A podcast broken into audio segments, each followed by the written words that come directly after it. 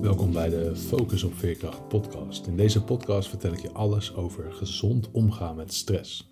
Mijn naam is Ronald Huttinga en ik hou me met mijn bedrijf Focus op Veerkracht bezig met gezond omgaan met stress voor zorgprofessionals.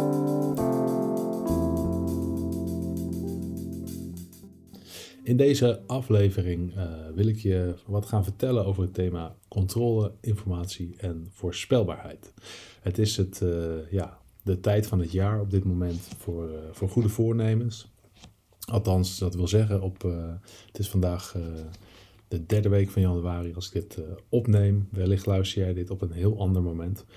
maar in ieder geval is het nu deze tijd hier. En ehm, ja, dat is een beetje de tijd dat het dat mensen bezig zijn met ja, het uitvoeren van hun, hun goede voornemens. En ehm, nou ja, vaak is het zo dat je eind december eens een keer nieuwe voornemens gaat maken. Volgend jaar wil ik weer eens totaal andere, een andere kant van mezelf ehm, gaan benadrukken of ontwikkelen. En daar maak je dan een goede start mee aan het begin van januari. En het is nu de derde week van januari en dat is helaas ook meestal de tijd dat het nou, niet allemaal helemaal meer gaat zoals je misschien zou willen. Hè? Misschien, misschien is het wel zo dat je, dat je goede voornemens op dit moment heel erg goed uit, uitvoerbaar blijken. Maar het zou ook kunnen zijn dat je, dat je merkt dat je soms toch al de kantjes ervan afloopt, om het maar even zo te zeggen. daar gaan we het zo over hebben. En zoals ik al, al aangaf, is het het begin van het jaar. En voor de Focus op Veerkracht podcast betekent dat ook dat er, nou ja, ook daar een aantal goede voornemens zijn. Ik heb een, ja, een soort van nieuwe structuur eigenlijk doorgevoerd. Wat betekent dat ik het iets anders ga indelen. En ik hoop natuurlijk dat jij als luisteraar van deze podcast daar, daar blij mee bent. over die luisteraars gesproken. Um, enige tijd geleden sprak ik een van mijn, mijn luisteraars. En hij, nou, als hij nu luistert, weet hij vast wie ik bedoel. Ik vond het leuk om even te melden. ik ben natuurlijk ja, altijd blij als mensen iets hebben aan mijn podcast. Dat vind ik ontzettend leuk om, om te horen. En hij vertelde dat hij zei van, nou, je hebt zo'n rustige stem. En als mijn zoontje in de auto zit en hij is wat onrustig dan, dan zet hij even de focus op Veerkracht podcast op. Dus nou, ik ben in ieder geval heel blij met die feedback om te horen dat, dat er mensen zijn, nou ja, kleine kinderen vooral, die, die daar enige rust uithalen. Dus nou, mocht je luisteren, dan ja, nou ja, weet je vast over wie het gaat. Um, ik zei, er is een, een nieuwe structuur. Um, ja, wat ik eigenlijk vorig jaar heb gedaan, is vooral nou, gewoon heel veel praten over een onderwerp. En dat ga ik nu eigenlijk ook doen, maar ik heb daar toch een aantal, nou een aantal dingen wilde ik daarin in gaan aanpassen. En een daarvan is dat ik zeker een, een hoofdthema wil bespreken. Maar daarnaast ook dat het me interessant lijkt om eigenlijk elke aflevering iets uit de media of uit een boek of uit een film of wat dan ook te halen. Wat gaat over, ja, over stress, over veerkracht. En um, ja, om daar eens uh, even wat dieper op in te gaan of gewoon iets te noemen als tip om, als ik een goed boek zie, ik ben nog wel eens bezig met dit thema, dus als ik een goed boek tegenkom of een interessant artikel, om dat gewoon even met je te delen. Nou, voor vandaag heb ik daar ook iets voor, nou, iets voor bij me. Ik heb hier een heel mooi boek liggen van Hans Seil. Hans Zeilen heb ik volgens mij eerder wel eens gezegd, maar hij komt uit Canada, dus volgens mij moet je dan, moet je dan eerder Hans Seil zeggen. Um, hij is een beetje de uitvinder van, ja, van stress, zo'n beetje. Niet, niet de allereerste, maar wel één van de eerste. En die heeft hij een jaar of honderd, bijna honderd jaar geleden, hele mooie dingen over ontdekt. Die we vandaag nog steeds gebruiken. Dus nou, ik vind het ook een mooie om, om gelijk de eerste, ja, de eerste keer dat ik iets ga aanbevelen om, om Hans Seil te behandelen. Dus dat komt straks. En verder wil ik ook heel graag ja, eigenlijk iedere aflevering gebruik maken om te eindigen met een, uh, ja, een korte tip of advies. Uh, wat je zelf kunt doen, wat je direct kunt toepassen om, uh, ja, om gezonder om te gaan met stress, om je, je veerkracht ja, wat te vergroten, je veerkracht overeind te houden en op een gezondere manier om te gaan met, met de stress. dus die komt aan het einde ook langs. Dus het zijn die drie onderdelen waarin je het um, voortaan zult, zult horen. ja, controle, informatie en voorspelbaarheid. En ik moet gelijk heel erg eerlijk toegeven ehm, dat ik die drie termen een tijdje geleden in een andere podcast hoorde. En die, ja, die ging over honden.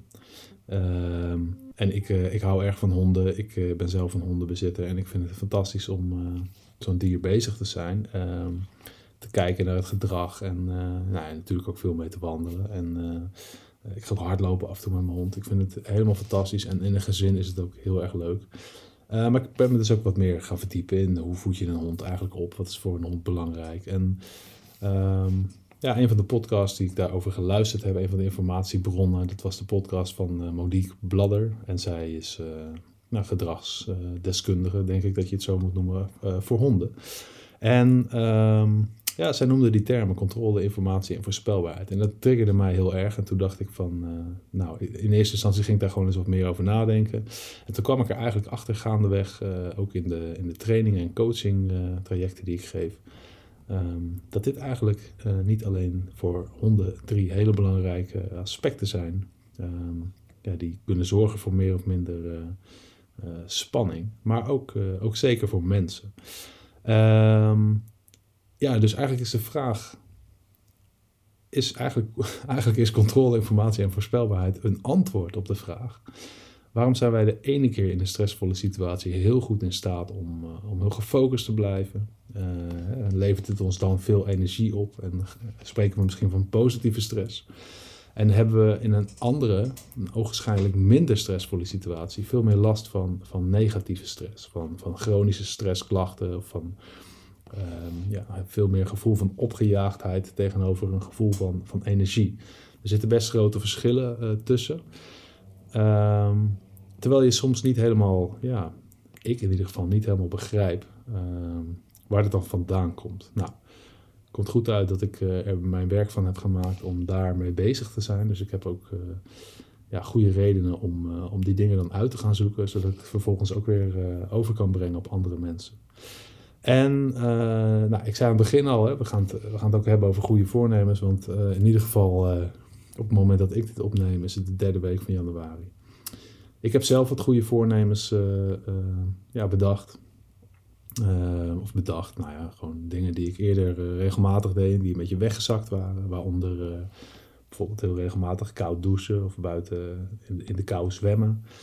Ehm, mediteren, dagelijks mediteren, om, ja, om ook vooral een bepaalde rust, ja, een bepaald niveau van, van rust en ja, bewustzijn te, te bereiken. Um, en um, regelmatig ademhalingsoefeningen doen. Nou ja, dat soort dingen. zo heb ik een heel rijtje van dingen waarvan ik denk, oh, dat is belangrijk om, om weer eens te doen. En uh, nou ja, dat, winter, uh, dat winterzwemmen of dat zwemmen in koud water, in natuurwater, dat, uh, ja, dat, dat, dat kunnen mensen als een hele ontspannen activiteit ervaren. Terwijl op het moment dat je dat aan iemand vertelt die dat niet zo vaak doet, dan ja, word je ook wel eens een beetje voor gek verklaard. Nou, een tijdje geleden had ik ook iemand in de training, die deed ook aan, aan winterzwemmen. Dus die ging dan ook, nou ja, net als ik eigenlijk, in de winter in ijskoud natuurwater in in zijn zwembroek het water in. En hij zei van ja, ik vind het een hele ontspannen activiteit. En dat vertelde hij aan de anderen. Ik kon me daar natuurlijk zelf een hoop bij voorstellen, omdat ik het ook wel doe. Um, maar een aantal andere mensen die keken toch ook wel een beetje verbaasd. van joh, wat, ja, vol ongeloof. Wat, wat, waarom zou je dat doen? Waarom zou je jezelf dat aandoen? En ja, voor, voor de mensen ehm, die dat niet zo goed begrepen, klinkt het ook als een potentieel gewoon heel erg stressvolle situatie.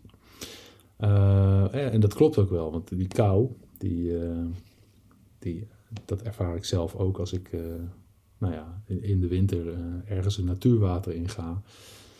Um, die kou die, die veroorzaakt ook echt wel een, een stressreactie. Hè? Die, die, je bloedvaten die vernauwen bijvoorbeeld. je lichaam komt eigenlijk in een soort van lichte shockreactie. En ja, als je daar goed voorbereidt en met, met energie en een goede gecontroleerde ademhaling en een goede concentratie ingaat, dan is dat uh, eigenlijk een hele, kan het een hele prettige en energiegevende ervaring zijn. En kan het je ook een ja, soort van mentale rust geven om dat te doen. maar als je daar met een andere concentratie ingaat en, en als je dat nog niet zo vaak hebt gedaan, je bent er niet zo geoefend in en ehm, ja, dan, dan zou het een potentieel een zeer stressvolle situatie kunnen zijn, uh, waar je lichaam ook heel heftig op, uh, op kan reageren. Het is dus zo dat je door de juiste ademtechnieken en oefening en mentale voorbereiding, dat je van die potentieel stressvolle situatie een soort vorm van ontspanning maakt. En nou ja, daar komen eigenlijk die drie termen waar ik het net al over had. Um, controle, informatie en voorspelbaarheid die komen daar kijken. Um, want stel je even voor dat je, dat je gaat winterzwemmen. En uh, dat jij net als die deelnemer in, in die training uh, onlangs dat regelmatig doet. Um, en dat je, dat je daar op een vast, vaste plek, vast tijdstip met een groepje mensen afspreekt om, om eens even de kou in te gaan. En even een paar minuten door het, door het ijskoude water te, te gaan zwemmen. Um, nou, als je, dat, uh, als je dat zou doen en je doet dat vaker, dan, dan, en je kijkt naar die drie termen, die informatie, controle, informatie en, en voorspelbaarheid, dan zijn er eigenlijk een aantal dingen ja, die je daar wel kunt afvinken. Kijk, ten eerste is er volledige controle in deze situatie. Die, die deelnemer uh, van die training waar ik het over had, die gaat dus met een aantal winterzwemvrienden naar een steiger. En die blijft daar precies zo lang in het water als hij zelf wilde. Dus zij, uh, ja, hij kiest zelf hoe lang dat is. En hij zal zelf een gevoel hebben voor ja, hoe, lang dat, uh, hoe lang dat prettig is. Um, en daarnaast zorgt ook de aanwezigheid van, van die vrienden, dus die, uh, die, die zwem, winterzwemvrienden van hem, die, uh, um, die daar ook zijn, zorgt ook voor de wetenschap dat hij geholpen zou worden wanneer hem dat hè, niet zelf meer zou lukken om bijvoorbeeld eruit te komen. Of wanneer hij toch echt een kramp zou krijgen of wat dan ook. Uh, dus alleen al het idee dat er mensen staan die weten wat je aan het doen bent, die je ook zullen helpen, daar vertrouw je dan op, die je ook zullen helpen op het moment dat je dat, je dat nodig hebt. Dat geeft al een, uh, ja, een perceptie eigenlijk van controle. Dus je voelt al um, dat, je, dat je eigenlijk veel meer, ja, dat je een bepaalde mate van invloed hebt op die situatie. Je doet het in een, ja, toch een soort van gecontroleerde setting. Ja, ten tweede is er ook voldoende informatie. Uh, ik heb dat zelf ook ervaren. Ik ben een keer naar zo'n uh, zo'n training geweest. Uh, zo'n zo'n training waar dan volgens de welbekende Wim Hof methode nou, je dit gaat doen. Hè. Dus je, je leert een aantal concentratietechnieken. je leert een aantal ademhalingsoefeningen. en in zo'n bijeenkomst kom je ook nog eens in een bepaalde ja, mentale staat waarin je waarin je er ook wel zin in hebt om, uh, om zoiets te gaan doen. En aan het einde ga je dan, uh, ga je dan in zo'n ijsbad. Um, ja, en dat is natuurlijk uh, um, ook wel interessant. Je, je, krijgt, um, je krijgt daardoor, naast dat, je, dat het ook bijdraagt aan dat gevoel van, van controle, krijg je ook krijg je ook gaandeweg allerlei informatie als je daarmee bezig bent. Dus je, er wordt je wat uitgelegd over wat er eigenlijk precies in je lichaam gebeurt op het moment dat je, uh, dat je de kou gaat trotseren. Uh, dus je krijgt uitleg over wat er gebeurt met je bloedvaten en je, uh, um, ja, je, bloedsomloop, maar ook wat je, hoe je organen reageren. Wat ja, een beetje de prioriteiten zijn van, van je lichaam op dat moment. hoe de koude reactie eigenlijk werkt. Um, en je leert ook vervolgens hoe je dat met je ademhaling kunt beïnvloeden. Dus je krijgt ook informatie over um, ja, wat gebeurt er op dit moment met mij, of, of eigenlijk in zo'n training, wat gaat er straks met mij gebeuren, wat kan ik verwachten. Um, en um, ja, met welke, uh, kennis, welke kennis kan ik gebruiken om dat ook te gaan beïnvloeden. ja, en dat maakt eigenlijk dat als je uiteindelijk gaat winterzwemmen, nou, dat je gewoon weet hoe lang het ongeveer veilig is om, uh, om dat te doen. Welke signalen je in de gaten moet houden. Uh, ja, waar je eigenlijk op moet letten uh, op het moment dat je, dat je die koude reactie gaat, uh, gaat krijgen. En ten derde is er dan ook nog dat begrip voorspelbaarheid. Hè? Dus we hadden het over controle, we hadden het over informatie en we hadden het over voorspelbaarheid. En ehm, als je dan kijkt naar, naar voorspelbaarheid, ik noemde er eigenlijk net al iets over. Dat ehm, die, die koude reactie en die lichaamssignalen die, die je gaat ervaren, die geven jou echt een heerlijk gevoel. Uh, ook doordat je weet hoe het gaat verlopen. Als je uiteindelijk uh, met, met een, uh, als je weet van ik heb, er zijn bepaalde stadia die ik doorga. Ik voel, het voelt bijvoorbeeld eerst heel erg koud en op een gegeven moment ga ik mijn ademhaling goed onder controle krijgen. Dat lukt aan het begin nog niet helemaal en dat lukt redelijk snel wel. Vervolgens ehm, kun je ook een soort van warme gloed om je lichaam heen ervaren. En op het moment dat je dan weer het water uitgaat, dan voel je eigenlijk nou, heel veel energie. Maar je voelt ook een, bepaalde Um, ja, je voelt ook nog een bepaalde warmte, juist doordat je zo, zo koud bent geweest. Um, nou ja, en, en als je daarna ook nog met je zwemvrienden, um, winterzwemvrienden, aan de kant een kopje thee drinken uh, of iets dergelijks, dan weet je ook van, oh ja, nadat ik dit ga doen, dan ga ik ook weer, uh, ga ik ook weer eruit, ga ik ook weer opwarmen en dan is het gezellig en we letten op elkaar. Er zit een heel voorspelbaar ritme in zo'n in zo'n activiteit. Um, ja, wat maakt dat het uiteindelijk iets, iets is wat, wat heel goed te doen is. En wat potentieel natuurlijk heel stressvol zou kunnen zijn, maar wat eigenlijk goed te doen is, doordat je aan een aantal, ja, aantal voorwaarden vo voldoet. En die bevinden zich dus op het gebied van controle, informatie en voorspelbaarheid. En dat zou je eigenlijk best kunnen vertalen naar ja, allerlei andere situaties. En dat, nou ja, na die, nadat dat ik die podcast had gehoord over hoe belangrijk deze drie um, deze drie aspecten voor, voor honden zijn, uh, besefte ik uh, dat dat voor mensen nou ja, net zo goed zo is. En kwam ik ook steeds meer situaties tegen waarin ik dacht: oh wacht, controle, informatie, voorspelbaarheid, dat zijn eigenlijk ja, hele algemene voorwaarden die, die belangrijk zijn om, ja, om iets als, als prettig te ervaren, of in ieder geval niet als heel stressvol te ervaren. Maar stel je even voor, hè, we gaan het even omdraaien. Dus stel dat jij je in de ongelukkige situatie bevindt. Uh, dat je in ditzelfde ijskoude water ligt. Dus je ligt ergens buiten in, in de ijskou. Maar deze keer ben je niet met je winterzwemvrienden. Deze keer uh, staat er iemand op de kant die jou er niet uitlaat. Dus die staat daar uh, op het stijgertje. Ik stel me even voor dat daar een stijgertje is. Ik heb geen idee, maar laten we het ons even voorstellen. Uh, je weet niet precies uh, wie dat is, je kan dat niet goed zien, je kent diegene niet. Die laat jou er niet uit. Die zegt ook niks, die geeft geen informatie over hoe lang jij erin moet blijven. Um, en er zijn ook geen, uh, geen mensen die vervolgens voor jou gaan zorgen. En misschien is het dan zo dat je er al iets langer in bent, dat je al op een andere manier die situatie ingaat.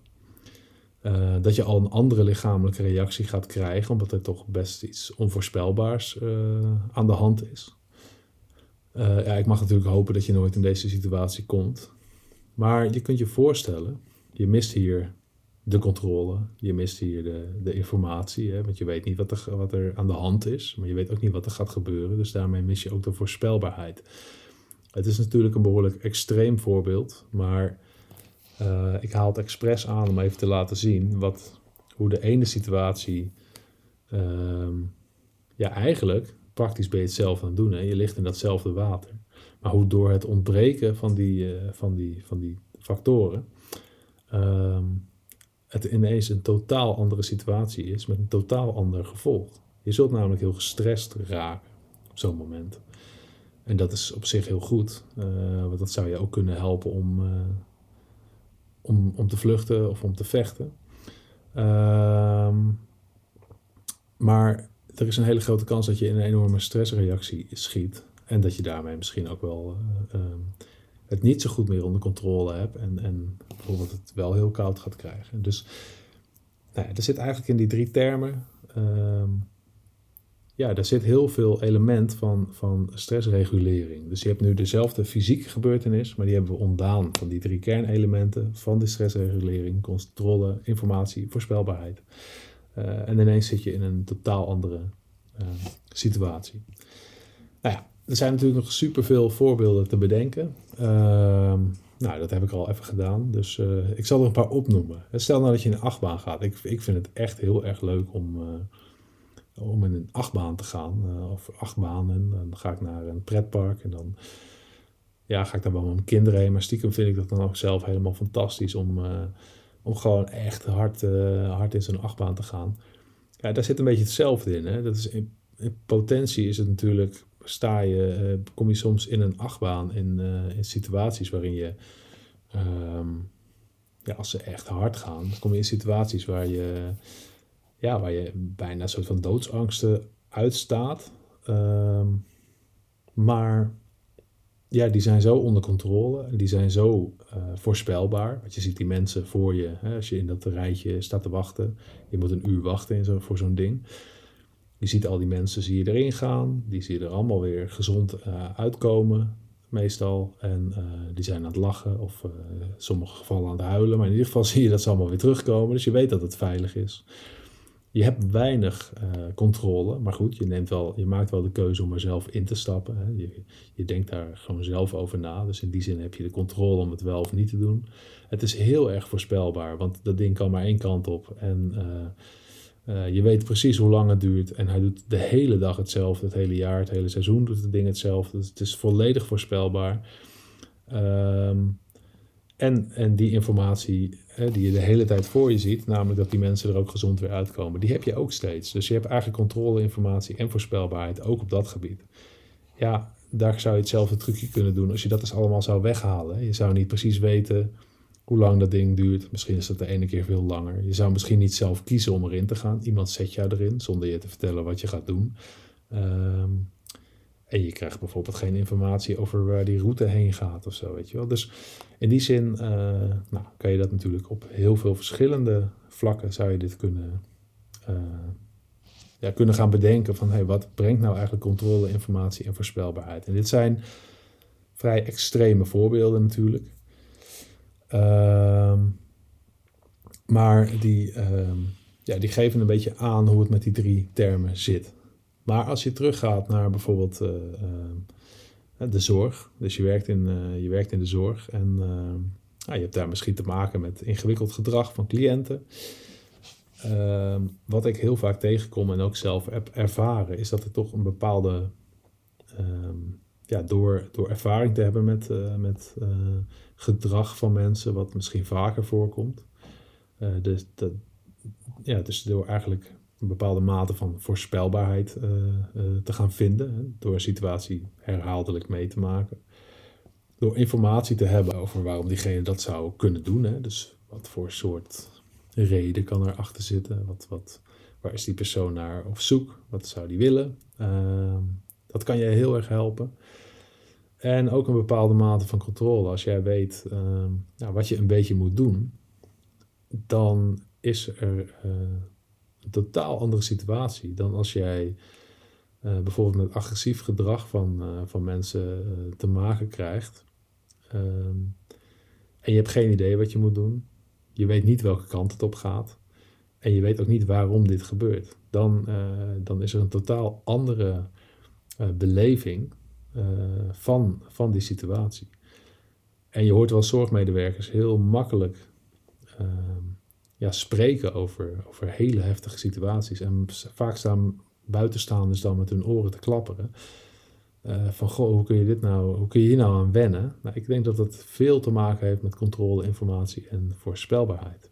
Dus is er controle? Is er een, een beetje een beeld van waar dit naartoe gaat? Of het niet bijvoorbeeld steeds erger wordt? En is er ook een beeld of informatie over waarom dit gebeurt? Dan, dan is het een totaal andere beleving. En dan wil ik niet zeggen dat het goed is om daaraan te wennen. Zeker niet. Maar ik wil wel verklaren daarmee uh, ja, waarom de ene situatie, uh, ja, los van wat die inhoudelijk precies is, de situatie, uh, waarom de ene situatie als veel stressvoller ervaren kan worden dan een andere. Terwijl je misschien op het eerste gezicht uh, nou ja, dat niet zou denken. Dus dat over controle, informatie en voorspelbaarheid.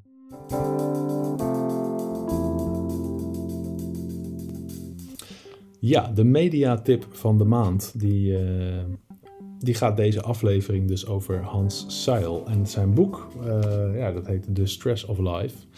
Um, dat uh, boek is al heel oud. En um, ja, het stukje wat ik, uh, wat ik erbij had gepakt vandaag, daar, daar schrijft hij over eigenlijk zijn zoektocht, zijn, de start van zijn zoektocht naar het stresssysteem. Hans Seil die, die gaf aan dat hij in, dat was rond 1925, zat hij, volgens mij geneeskunde studeerde hij. Hij is endocrinoloog geworden uiteindelijk. Ehm, hij studeerde toen geneeskunde en hij, ehm, eh, hij kreeg, eh, kreeg lessen en het ging over het onderzoeken naar wat voor ziektes mensen hadden. Dus wat voor symptomen zijn er, wat voor typische symptomen zijn er en eh, ehm, ja, kun je, daar, kun je daar iets uithalen. Dus hoe stel je dan diagnoses? En wat hem opviel was dat er steeds gezocht werd naar specifieke symptomen, symptomen. Dus je stel je, je krijgt een bepaalde ziekte en daarbij hoort dat je een hele rode uitslag krijgt op je huid. Uh, en wat hem opviel in, in de manier waarop hij hem dat onderwezen werd, was dat er allerlei algemene signalen waren. Dus allerlei algemene kenmerken van ziekte. Uh, waarvan werd gezegd, ja, dat zijn algemene kenmerken, dus die hoeven we niet te onderzoeken. Die kunnen we gewoon wegstrepen, want dat zijn gewoon algemene kenmerken. En hij was daar niet helemaal tevreden mee. Hij, zei, hij dacht van ja, nee, wat, is dat, wat betekent dat dan? Wat is dat dan? Wat zijn die kenmerken? Uh, en hij nam daar geen uh, genoegen mee. En hij, uh, hij zegt ook in zijn boek, dat is vrij aan het begin, als ik meer had geweten, dan was ik zeker gestopt bij een van de grootste struikelblokken van vooruitgang. Um, de, ik zit nu even live te vertalen, de zekerheid van van het goed hebben. Uh, dus hij zegt eigenlijk, als ik veel kennis had gehad op dat moment, ik was nog maar een studentje, maar als ik veel kennis had gehad, ja, dan, had ik, dan was ik waarschijnlijk gestopt met zoeken. Want, uh, maar hij was zo bleu eigenlijk, dat hij er helemaal niks van begreep en dat hij dacht, ik ga dat, eh, ik ga dat onderzoeken. Nou, um, een paar tientallen jaren later heeft hij dit boek geschreven en ook over dus het ontstaan van zijn zoektocht.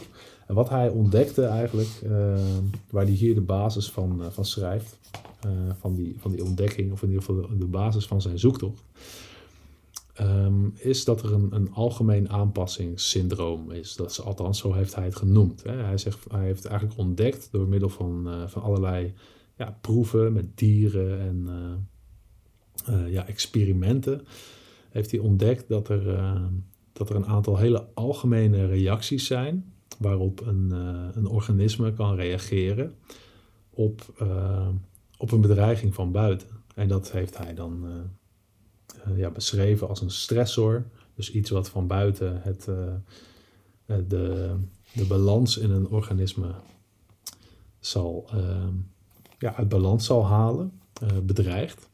En uh, er zijn een aantal reacties op. En dat noemt hij het algemeen aanpassingssyndroom. En dat is iets wat we heden ten dagen nog uh, heel erg veel ja, tegenkomen. Dit is uh, nou, 1925, waar hij net over, over schreef. En dat is dus bijna 100 jaar geleden. Um, en hij, zegt, hij heeft gezegd van ja, dat algemeen aanpassingssyndroom, dat ontdekte hij steeds meer door al die experimenten. Heel veel experimenten met muizen, die vervolgens ja, een beetje gegeneraliseerd zijn naar naar ook andere zoogdieren en uiteindelijk ook uh, naar de mens.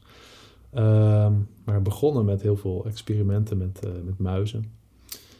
Um, als als zo'n muis een stressor krijgt ja, toegediend, dan komt hij eigenlijk in een, in een eerste, eerste fase.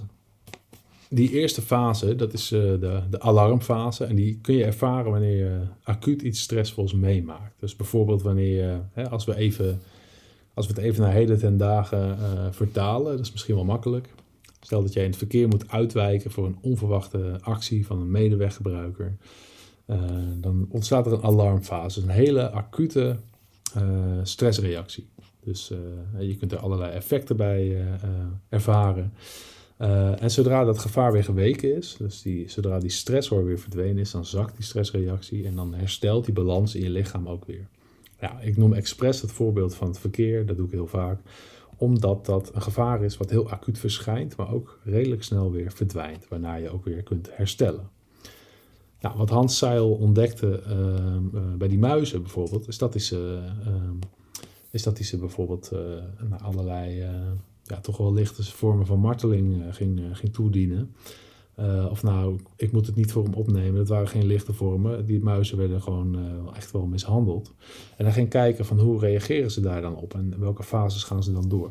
Nou, als ze dan die, die alarmfase door zijn, als die stressor niet verdwijnt, uh, nou, stel dat je een muis heel regelmatig een stroomstootje geeft en hij kan daar niet, bijvoorbeeld niet van ontsnappen, dan gaat het lichaam gaat zich proberen te wapenen tegen de effecten van die stressor. Dus stel dat je bijvoorbeeld een ziekte hebt, wat je ook kunt, uh, kunt zien als een, een stressor, als een bedreiging van de balans in, in jou als organisme of in die muis als organisme. Um, dan wordt het immuunsysteem heel extra actief om die ziekte te bestrijden. En dan gaat het lichaam eigenlijk op zoek naar een soort van aanpassing om, uh, ja, om zich aan te passen, om om te gaan met die, met die blijvende stressor. Uh, nou, dat noemen ze de aan, aanpassingsfase, oftewel dat is een beetje de lange termijn reactie op een uh, langdurig aanwezige stressor. Dus als jij last hebt van chronische stress, zou je kunnen zeggen dat je al wat langer in die aanpassingsfase zit. Ehm nou, wanneer in die fase de stress niet verdwijnt, dan zal vervolgens het lichaam in een uitputtingsfase terechtkomen. En uh, Hans Seil die kwam erachter die, dat er dus op een gegeven moment, uh, als die aanpassingsfase te lang duurt en de stressor verdwijnt niet, de ziekte verdwijnt niet of de, uh, de vorm van, van prikkeling die hij dan gaf, die verdwijnt niet, dan sterft de muis. het lichaam van die muis die komt in de uitputtingsfase. De, de functies gaan achteruit van de organen en uiteindelijk uh, is sterven het, uh, het gevolg. Um, nou ja, dat zie je tegenwoordig natuurlijk um, bij burn-out. Dat begrip is, is veel jonger. Dat is pas in eind jaren, eind jaren 90 is dat begrip bekend geworden. niet geheel toevallig is dat begrip ook in de zorg in de zorg ontstaan eigenlijk. Hè. Dus of, althans het begrip niet per se, maar dat is door een onderzoeker waarschijnlijk uh, uh, zo genoemd. Maar ehm, eh, de symptomen van burn-out zijn voor het eerst in de medewerkers in de zorg en onderwijs vastgesteld. Um, ja, en in het geval van de burn-out zijn er vaak heel langdurig meerdere stressoren aanwezig. Die verdwijnen niet zomaar. En daardoor zie je eigenlijk dat het lichaam hierdoor heel langdurig in de aanpassingsfase zit. Uh, en uiteindelijk kun je dus in de uitputtingsfase komen. En dat is vaak het moment dat mensen voelen dat er echt geen energie meer over is. Of uh, um, ja, dat er uh, eigenlijk nou ja, roofbouw gepleegd wordt, zoals ze dat ook wel zo mooi noemen soms, op het eigen lichaam. Um, Burnout ga ik een andere keer nog, nog een keer over, over verder. Wat ik mooi vind, want ik had het natuurlijk over het boek The Stress of Life van Hans Seil. En ik vind het een hele mooie titel. Ik kan je sowieso aanraden om dit boek, eh, als je echt meer wil weten over stress, om dit een keer te lezen. Want het is zo'n beetje het standaardwerk. Hij is een beetje de, eigenlijk de tweede grote uh, onderzoeker uh, op het gebied van stress. Althans, hij heeft een van de grootste uh, ja, ontdekkingen of modellen, theorieën daarover geschreven. Heel veel onderzoek naar gedaan. En wellicht dat ik het volgende keer ga hebben over, uh, over eigenlijk de voorloper daarvan. Dat is in, in 1914 geweest. toen is eigenlijk de fight, flight, ja, wat we tegenwoordig vechten, vluchten en bevriezen, dat roepen we dus al ruim meer dan 100 jaar. een Amerikaanse onderzoeker heeft die die termen bedacht. En dat lijkt me ook de moeite om daar eens naar te gaan kijken. Dus we duiken af en toe even wat verder in de geschiedenis van, van stressonderzoek. Ook om wat beter te begrijpen wat er nou precies, uh, ja, wat het nou precies is.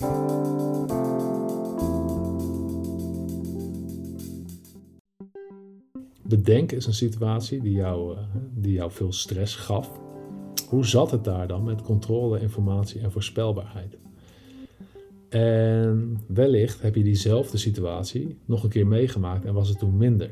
En bedenk eens voor jezelf, is het dan zo dat je daarmee, uh, dat daarmee eigenlijk het onderdeel voorspelbaarheid wat, uh, um, wat groter is geworden? Um, en als je, als je eens aan zo'n stressvolle situatie denkt, ga dan eens na als je kijkt, hè, misschien is het handig ook om dat bijvoorbeeld op te schrijven. Als je denkt aan een stressvolle situatie, Je neemt eh, even een pen en papier en je omschrijft even in één zin wat die stressvolle situatie was. En je schrijft daaronder even de termen controle, informatie en voorspelbaarheid. En schrijf daar eens onder, per onderdeel, in hoeverre dat aanwezig is. Dus in hoeverre is er controle, informatie en voorspelbaarheid. Ehm, en ten tweede, hoe kan ik dat op al die gebieden beïnvloeden? Waar kan ik meer controle vandaan halen? Waar kan ik meer informatie vandaan halen? En hoe kan ik meer voorspelbaarheid creëren? Nou, dat is iets wat, uh, wat je gelijk uh, eigenlijk kunt, kunt toepassen. Um, en uh, ik wens je daar gewoon heel veel succes mee.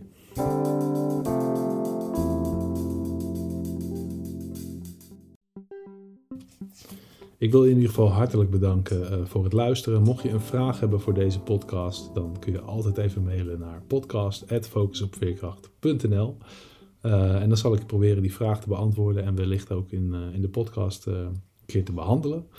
En verdere feedback is natuurlijk ook altijd welkom. zoals dat je kind zo lekker in slaap valt in de auto als je deze podcast opzet. In ieder geval heel erg bedankt voor het luisteren en tot de volgende.